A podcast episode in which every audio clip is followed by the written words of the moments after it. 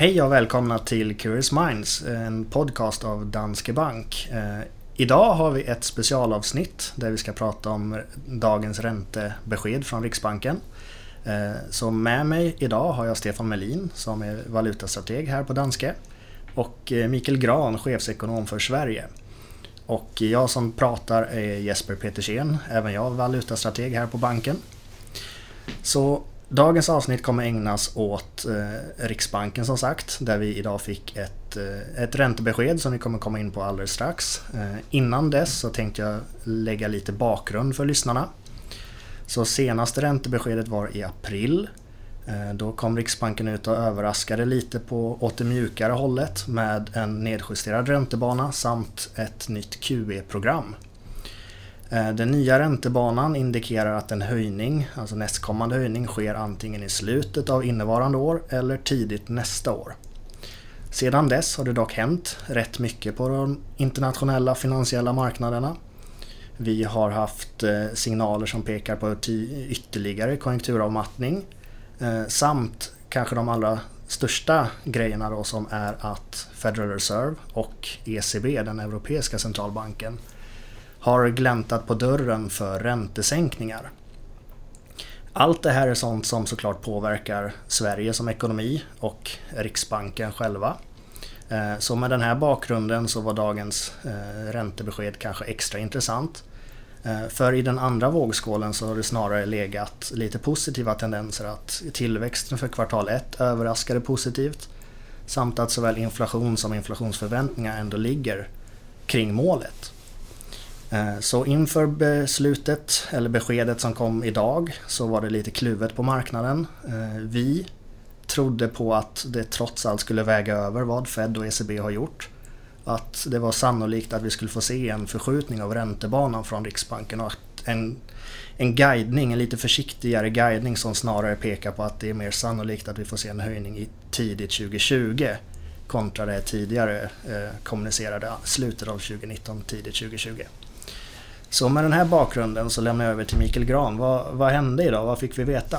Ja, vi fick inte veta särskilt mycket nytt utan Riksbanken har ju, gjorde ju en väldigt, väldigt liten förändring precis som du sa. Tittar man på deras makroprognos, alltså den som innehåller inflation och tillväxt eh, och eh, arbetsmarknad så var det väldigt små eh, justeringar.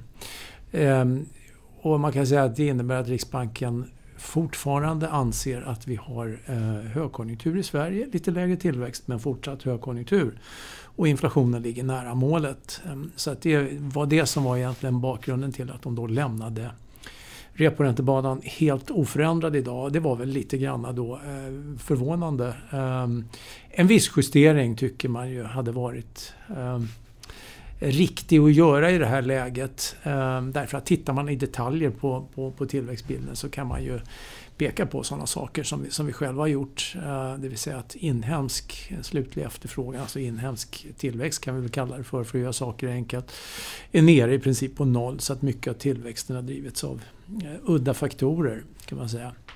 Och till, eh, inflationsbilden är ju lite, eh, ska man säga, eh, skruttig i den meningen då att visserligen har eh, inflationstakten legat nära målet och inflationsförväntningarna också. Men skrapar man på ytan så ser man att en del av det är drivet av energipriser. Eh, så att det, det, är inte den där uthålliga inflationsbilden egentligen som jag tror att Riksbanken är ute efter. Eh, men hur som haver, eh, de valde att luta sig bakåt kan man säga idag ehm, eh, mot den bakgrunden. Ehm, och la mindre vikt vid det här med att andra centralbanker har ehm, kommit med ganska mjuka besked då, nyligen, eller i alla fall givit sådana signaler. Vi hade väl trott att det skulle ge lite mer påverkan. Men som sagt, blickar vi framåt så finns det väl alla skäl att tro att Riksbanken eh, när man kommer in i september eller oktobermötet ändå får, får så att säga eh, luta sig lite grann åt det hållet. Så att eh, det är inte på något sätt så att vi ger upp tanken på att Riksbanken kommer att skjuta på sin reporäntebana framöver eller flacka den som vi säger på marknaden då. Att, att man ändå signalerar att det blir lite mindre höjningar. Det är trots allt så att svensk penningmarknad räknar inte med några eh, höjningar under de kommande åren utan det ligger till och med lite sänkningar i marknadens prissättning och det, det står väl i en ganska tydlig kontrast till då Riksbankens prognoser. Men vi, vi tror ju inte alls på, på någon höjning inom, inom de närmaste 12 månaderna enligt vår prognos. Men som du säger så marknaden prisar ändå in ett par punkter sänkning. Vad, vad, känner vi kring det? Är inte det lite väl, att gå lite väl långt och för, förvänta sig sänkningar? Jo, det är det ju i nuläget. Eh, det är det. Eh, vår egen prognos är att det inte blir någon eh, ränteförändring i år. Och som basprognos har vi att det inte är någon ränteförändring nästa år heller. Men det är klart att det ligger en bit bort i tiden och mycket saker kan hända där. Så att eh, det återstår ju att se så att säga om det blir en sänkning nästa år, om konjunkturen viker eller om den håller i sig så kanske det blir en höjning nästa år. Men för det här året i alla fall så räknar vi inte med någon förändring då. Eh, Medan marknadspriset sätter lite, lite granna sänkningar som sagt. Så att, och I nuläget sticker väl det ut lite grann kan vi tycka. Även om det är relativt liten avvikelse än så länge. Mm. Så i stora drag ett, ett icke-besked egentligen? Ja, ett, ett avvaktande besked. Man, man, man sparkar burken då, för att använda ett svenskt uttryck.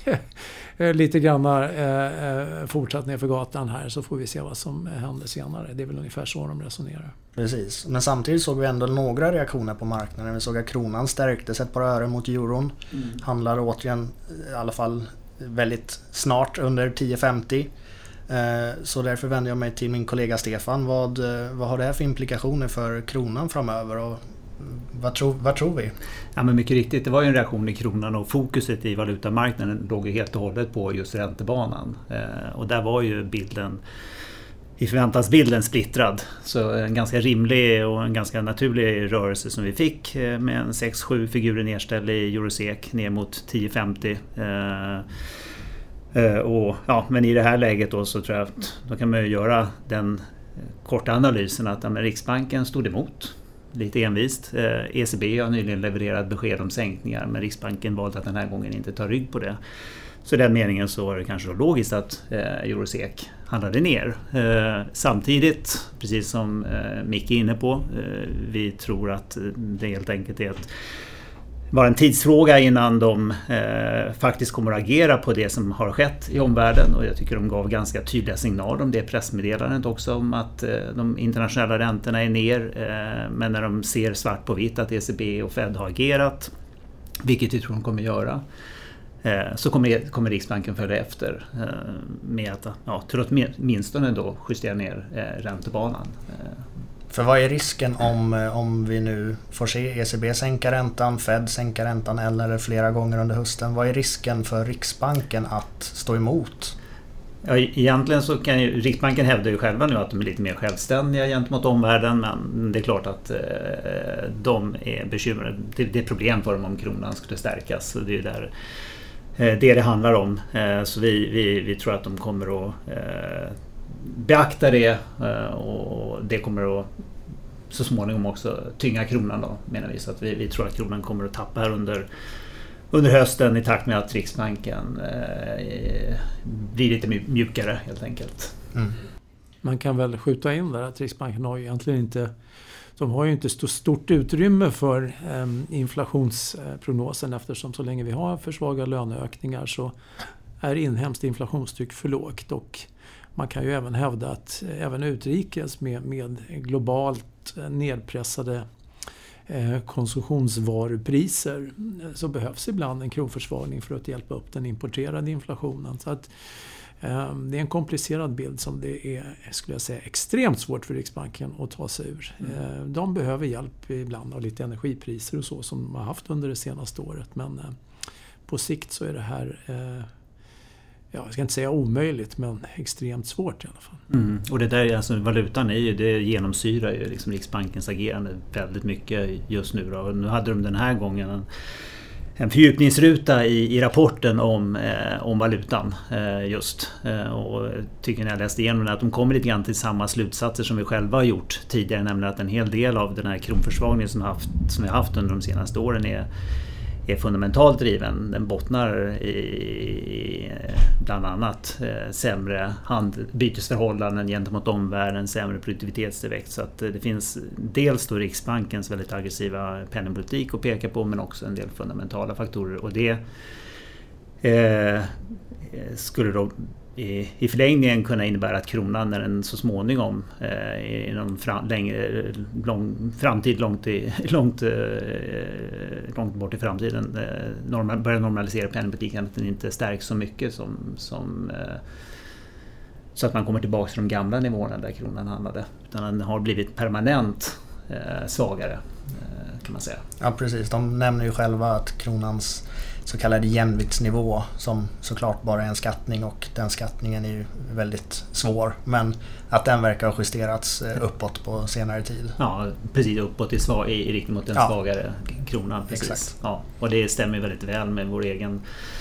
vår egen analys också. Vi har ju bland annat sett att bytesbalansen också, vilket ju inte Riksbanken berör den här, i, sin analys här, men, men det är också någonting som, som eh, har hänt de sista åren. Handelsbalansöverskottet har försvunnit, det har blivit ett underskott. Så det finns en del fundamentala faktorer som egentligen backar upp den här svaga kronan också, utöver mm. Riksbankens eh, penningpolitik. Precis. Vad har vi att se framför oss nu då? För som eh, Mikael var inne på tidigare så inhemskt kostnadstryck ser lite sådär ut. Vi ser att den inhemska efterfrågan när vi kollar på BNP-siffror och liknande den är ju i princip eh, nolltillväxt nu för tiden. Eh, en svagare krona kanske blir allt mer viktig att eh, ha för att upprätthålla inflationen. Med de här utsikterna, vad, vad tror vi egentligen att Riksbanken har att se fram emot nu under kommande halvåret?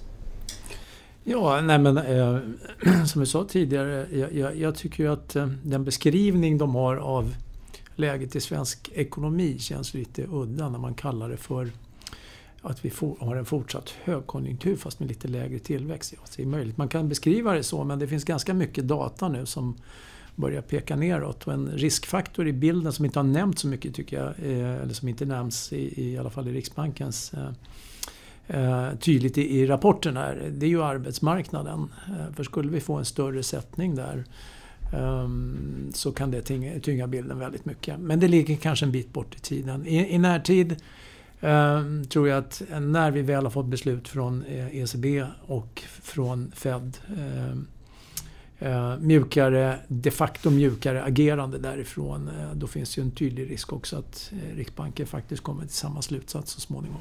För det var lite intressant för Ingves sa något sånt på presskonferensen att han, han fick en direkt fråga om ja, men hur ser du på den policyomsvängning som verkar ske från ECB och Fed?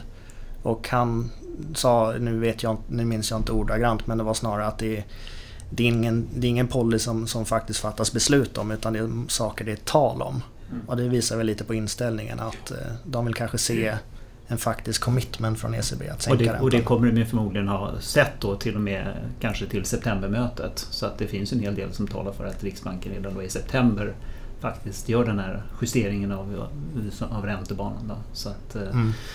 Och mot bakgrund av det som eh, eh Micke nämner med svagare konjunkturutsikter, eh, en inflationsprognos som inte når upp till målet så, så, så, tror vi att kronan kommer att fortsätta vara svag och till och med försvagas eh, härifrån då, de kommande månaderna och kommande året. Ja, precis.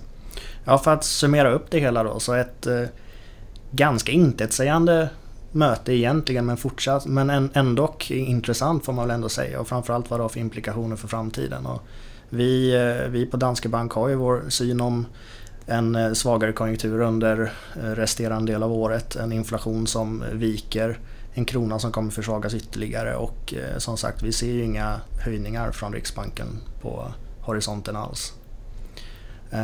Jag tror det var det hela faktiskt så vi får tacka för visat intresse och på återhörande.